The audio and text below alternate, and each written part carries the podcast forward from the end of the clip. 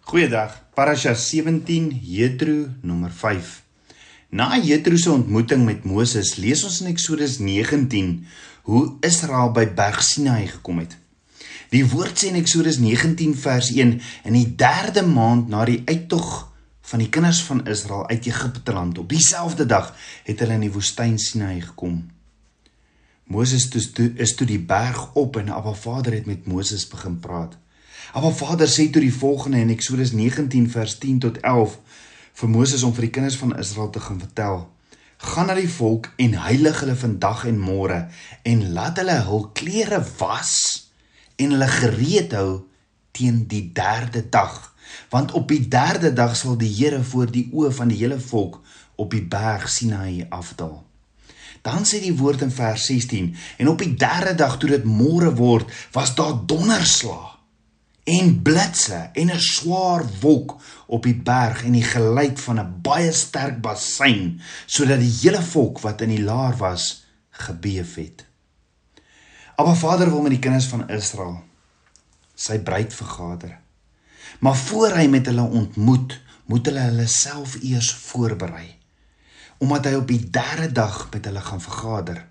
Let wel, hy was al daar 2 dae voor die derde dag, maar hy kies om homself eers op die derde dag aan hulle te openbaar. Die vraag is, het die 3 dae se wag en voorbereiding iets te doen met Yeshua wat in die doderyk was vir 3 dae? En ons weet 3 dae na Yeshua se kruisiging het het Yeshua uit die dode opgestaan, nog voordat die son opgekom het. Dit was 3 dae donker. En daar was trane nie opgehou loop uit die disippels en die volgelinge se gesigte oor wat hulle aan Yeshua hulle rabbi gedoen het nie. Hulle het nooit besef wat Yeshua bedoel het toe hy gesê het dat hy die tempel in 3 dae sou herbou nie. En toe hy op die derde dag opgestaan het uit die dode, het hy daardie belofte en soveel meer vervul. Met ander woorde, net soos wat Abba Vader homself vir die eerste keer aan die kinders van Israel geopenbaar het, so het Yeshua homself ook op die derde dag weer aan sy disippels geopenbaar. Maar daar word regdeur die woord gepraat van hierdie derde dag en ek noem dit maar patroon. Hoekom word daar regdeur die woord gepraat van hierdie derde dag patroon? Om te weet wat die belangrikheid is van hierdie derde dag, kom ons begin in die begin by die skepping.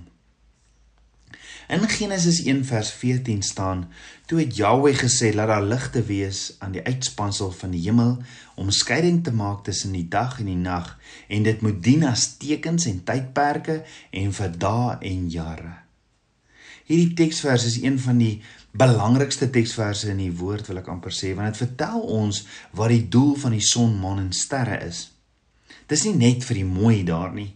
Nee, alles wat Abba Vader geskep het is om ons te help om 'n dieper verhouding met hom te hê. En sommer hier kry ons die eerste glimps van sy plan. Die woordjie seisoene hier is nie die seisoene wat ons aan gewoond is soos lente, somer, herfs en winter soos ons dit ken nie. Nee, die oorspronklike woord in Hebreëus vir seisoene het egter niks te maak met ons definisie van seisoene nie. Adam en Eva het nie eens het nie eers seisoene in die tuin van Eden gehad nie, want dit was lank voor die vloed in Noag se tyd. Die Hebreëse woord vir seisoene hou verband met die feesdae van Abba Vader. En dit is presies wat hierdie Hebreëse woord vir seisoen beteken. In Hebreëus is die woord seisoen in Genesis 1:14 die woord Moadim wat beteken afspraak, vasgestelde tyd, feesdae ensovoorts. Jy sien Abba Vader het die son, die maan en die sterre op 'n plek gesit sodat sy kinders sou weet wanneer hulle in die jaar met hom moes vergader op sy spesiale vasgestelde dae. In Levitikus 23 vertel Abba Vader vir ons hoe om hierdie spesiale dae te bereken met hulp van wat hy in die lig geplaas het. En die maan was die die primêre simbool wat gebruik is om die spesiale dae te bereken. Jy sien die maan produseer geen lig op sy eie nie. Dit weerkaats die lig van die son. Op dieselfde manier moet ons Yeshua se lig weerkaats vandag in 'n duistere wêreld. Ons skyn nie dis Yeshua se lig wat in ons skyn. Dis hoe alles verband hou met die derde dag. in die feit dat die maan donker word as die proses van 'n nuwe maan begin. En dan op die derde dag begin die maan met sy met sy opstanding of verskyning. Die maan is dus ons heel eerste verbinding met die derde dag en dit sal weer en weer deur die hele woord verskyn. Elke maand word die maan donker om sy grootste hoeveelheid lig in die middel van die maand weer te gee en keer dan terug na die begin maar daar is meer oor hierdie derde dag Want kom ons gaan na Genesis 22. In Genesis 22 sien ons die verhaal van Abraham wat sy beloofde seun Isak na Berg Moria toe neem in gehoorsaamheid aan Abba Vader om vir Isak te gaan offer. Dit was ongetwyfeld die donkerste oomblik in Abraham se lewe. Na die opwin, opwinding dat hy gesê het dat hy 'n erfgenaam sou hê. Dat Abba Vader gesê het dat Abraham 'n erfgenaam sou hê en dat sy kinders die sterre aan die hemel sou wees. Soveel sterre in die hemel sou wees. Het dieselfde een wat vir hom gesê het dat hy 'n seun van Sara sou hê, vir hom gesê om vir Isak, sy enigste seun op daardie stadium op te gee. Die pyn, verwarring en duisternis moes vir Abraham oorweldigend gewees het.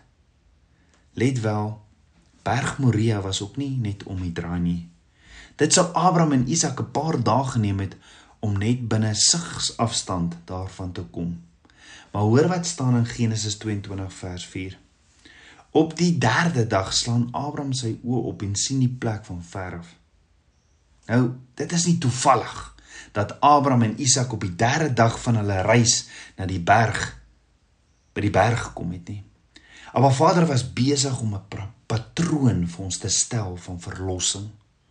Alhoewel Abraham die donkerste uur van sy lewe genader het, het hy min idee gehad dat dit altyd die donkerste donkerste is net voor dagbreek. Kan ek dit herhaal? Min het Abraham geweet en min weet ek en jy dalk vandag dat dit altyd die donkerste is in my en jou lewe net voor dagbreek. Want ons weet daardie derde dag sou nie 'n dag van duisternis vir Abraham wees nie, maar 'n dag van groot lig. Dit sou die dag wees dat Abba Vader die seun van Abraham verlos het en 'n plaasvervanger sou gee wat deur sy horings in 'n nabygelewe bos vasgevang was. Die profetiese prentjie is waar Abba Vader 'n plaasvervangings vervangerslam aanbied as sy verlossingsplan om die mensdom te verlos van die dood. So wat Abraham gedink het 'n dag van dood en duisternis sou wees, was toe 'n dag van lewe en groot verlossing, 'n dag van lig. Dan in Eksodus 3 vers 18 sê Abba Vader vir Moses om vir die kinders van Israel te sê: Jahweh die God van die Hebreërs het ons ontmoet. Laat ons dan nou tog 3 dae dagreis ver die woestyn intrek en aan ons Jahweh ons God offer. Dis hierso waar Moses en Aaron voor Farao verskyn en sê, laat ons net 3 dae wegtrek en ons God gaan uh, vir hom hom gaan bid en aan hom offer.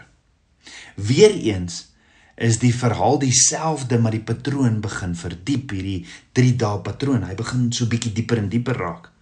Soos Jakob ook uh Jakob hulle vader, die kinders van Israel se vader, moes weggetrek het van Laban en hy moes 3 dae nadat hy weggetrek het, ehm um, is hy ingehaal deur Laban, so het die kinders van Israel Egipte ook verlaat. En 3 dae op die reis wat hulle Egipte verlaat het uh, op die reis deur Farao is hy ingehaal by die Rietsee. En dit was 'n baie donker dag vir die kinders van Israel toe die 600 strydwaans op hulle afkom en vrees vir die dood in hulle nekke blaas. Maar op hierdie dag is hulle verlos deur Abba Vader se asem wat vir hulle pad deur die Rietsee gemaak het en hulle toe 'n nuwe lewe begin het. Maar onthou, nie net het die Israeliete Farao gevra om Egipte te verlaat vir 'n reis van 3 dae na die woestyn nie. Die negende plaag van duisternis het ook 3 dae lank oor Egipte land geduur. Let wel, daar was daar was iets aan hierdie 3 dae wat verband hou met 'n gebrek aan sig of om iets te sien, die afwesigheid van lig en en en 'n vervulling van duisternis wat Abba Vader wil hê ek en jy moet ook vandag sien.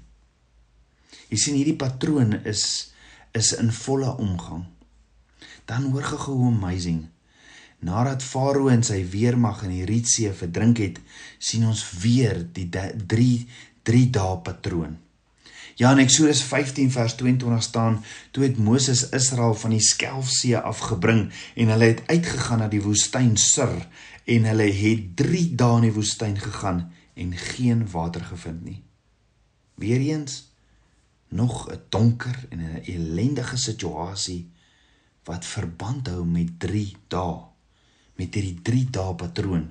Die Israeliete het geen water gehad nie en toe hulle 3 dae buite was, het jy weet weg van die Rietsee af, het hulle lot op 'n wonderbaarlike wyse omgedraai toe Moses deur Abba Vader beveel was om 'n boom te neem en dit in die bitter water te gooi om dit soet te maak. En deur hierdie hele woord, deur die hele woord verteenwoordig bome mense. En menigte mense word as see of as waters geskilder of geskilder. Die waters of mense van die aarde was egter dan baie bitter. Maar toe die boom van die lewe in die water in die mense gegooi is, het elke persoon wat deur hierdie tak geraak is, deur hierdie boom geraak is, soet en waardig geword om gebruik te word om die dors van vreemdelinge te les. Met ander woorde, die bitterheid is op die derde dag in soet water verander. Dan Josef het in 'n gevangenis gesit en is gedwing om om om tyd te doen in die tronk, 13 jaar vir iets wat hy nie gedoen het nie. En teen die einde van sy verblyf in die tronk bevind Farao amper teen die einde van sy verblyf, 2 jaar voor sy einde, bevind Farao se bakker en skinker hulle ook in die tronk en het albei drome gehad wat net Josef kon uitlê. Die bekerdraer het droom gehad waar hy 'n wingerdstok met 3 takke sien wat druiwe uitspruit en voortbring. Josef het hom die uitleg gegee van sy droom en Josef sê toe vir hom in Genesis 40 vers 12 tot 13, toe sê Josef hom, dit is die uitlegging hiervan. Die 3 ranke is is 3 dae. Binne 3 dae sal Farao jou hoof verhef, jou in jou rang herstel en jy sal die beker van Farao in sy hand gee net soos vroeër toe jy sy skinker was. Met ander woorde die patroon is opvallend konsekwent, is dit nie? En dan weet ons in Genesis 40 het Josef die skinker se droom ontleed en die skinker sou na 3 dae verlos word. So daar's iets aan hierdie 3-daagse patroon en dit is amper soos die maan met die met met die begin van 'n splinter nuwe siklus. Sodra dit donker word, maar dit vertoon eers op die derde dag van die siklus. So dit word lig eers op die derde dag. Dan sê Levitikus 19 vers 5 tot 6 ook: As jy 'n dankoffer aan jou aan, aan die Here slag, moet jy dit so offer dat jy welgevalle kan vind. Op die dag as jy dit offer en die dag daarna moet dit geëet word, maar wat tot die derde dag toe oorbly, moet met vuur verbrand word. So hier sien ons 'n ander komponent wat ons 'n beter beeld gee van die derde dag patroon. Jy sien 'n vredesoffer was bedoel om gedeel te word. Die gewer sou aan die offergawe deelneem deur dit te eet nadat dit toegewy is maar daar moes op die derde dag geen oorblyfsels wees nie. Enige deel van 'n offer wat oorgebly het, moes op die derde dag deur die vuur gesit word. Let wel, die doel van vuur in die woord is om om te transformeer en te suiwer. Vuur transformeer die voorwerp van een toestand na 'n ander. Yeshua is ook op die derde dag van een toestand na 'n ander verander. En Kolossense 1 vers 19 vertel vir ons hy was dood en hy het gelewe en Kolossense 1 vers 19 vertel vir ons dat hy in werklikheid ons dankoffer is. So ons leer hier uit dat die derde dag beteken om ook te transformeer en te suiwer. Dan in Numeri 19 vers 11 tot 12 staan: Die een wat aan 'n dooie, enige lijk van 'n mens raak, hy sal 7 dae lank onrein wees. Op die 3de dag en op die 7de dag moet hy hom daarmee onsondig, dan sal hy rein wees. Maar as hy hom op die 3de dag en op die 7de dag nie onsondig nie, sal hy nie rein wees nie. Nou hierdie hele hoofstuk handel oor die reinigingswette en hoe om iemand te suiwer met die water van die rooi vers kalf wat ter reiniging van sonde is en dit lees ons in Numeri 19 vers 9. Maar wanneer moet ons hierdie transformasie en suiwering wanneer wanneer moet hierdie transformasie en suiwering gedoen word? Op die 3de en die 7de dag. Dan hoor gego. In 1 Samuel 20 vers 5 staan en Dawid sê vir Jonatan, Jonatan, môre is dit die nuwe maan en ek sal nie by die koning sit om te eet nie. Laat my maar gaan dat ek kan wegkruip in die veld tot die derde dag van die aand.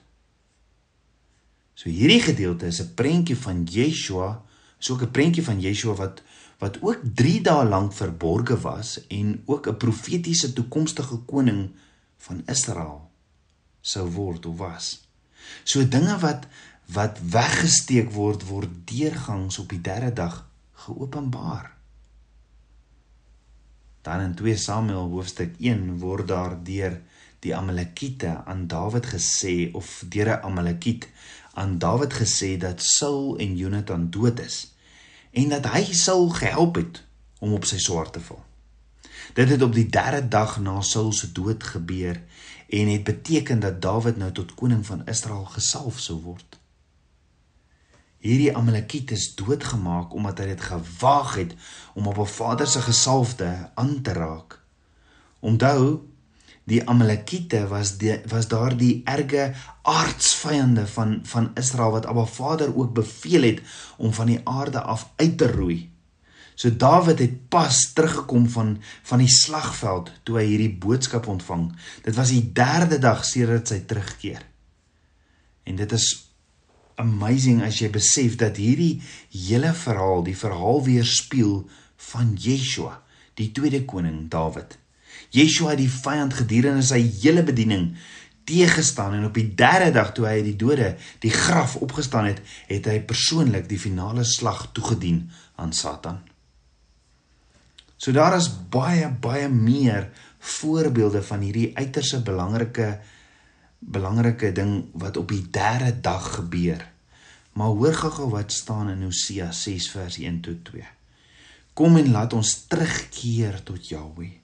Want hy het verskeer en sal ons genees. Hy het geslaan en sal ons verbind. Hy sal ons na 2 dae lewend maak en op die 3de dag ons laat opstaan sodat ons voor sy aangesig kan lewe.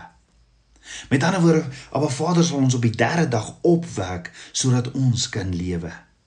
Hy bestee die eerste 2 dae om ons te laat herleef en die derde dag aan volkomme opstanding. Dit is natuurlik ook 'n aanduiding van die opstanding van Yeshua. Die 2 dae wat ons herleef is die laaste 2000 jaar waarin ons nou geleef het.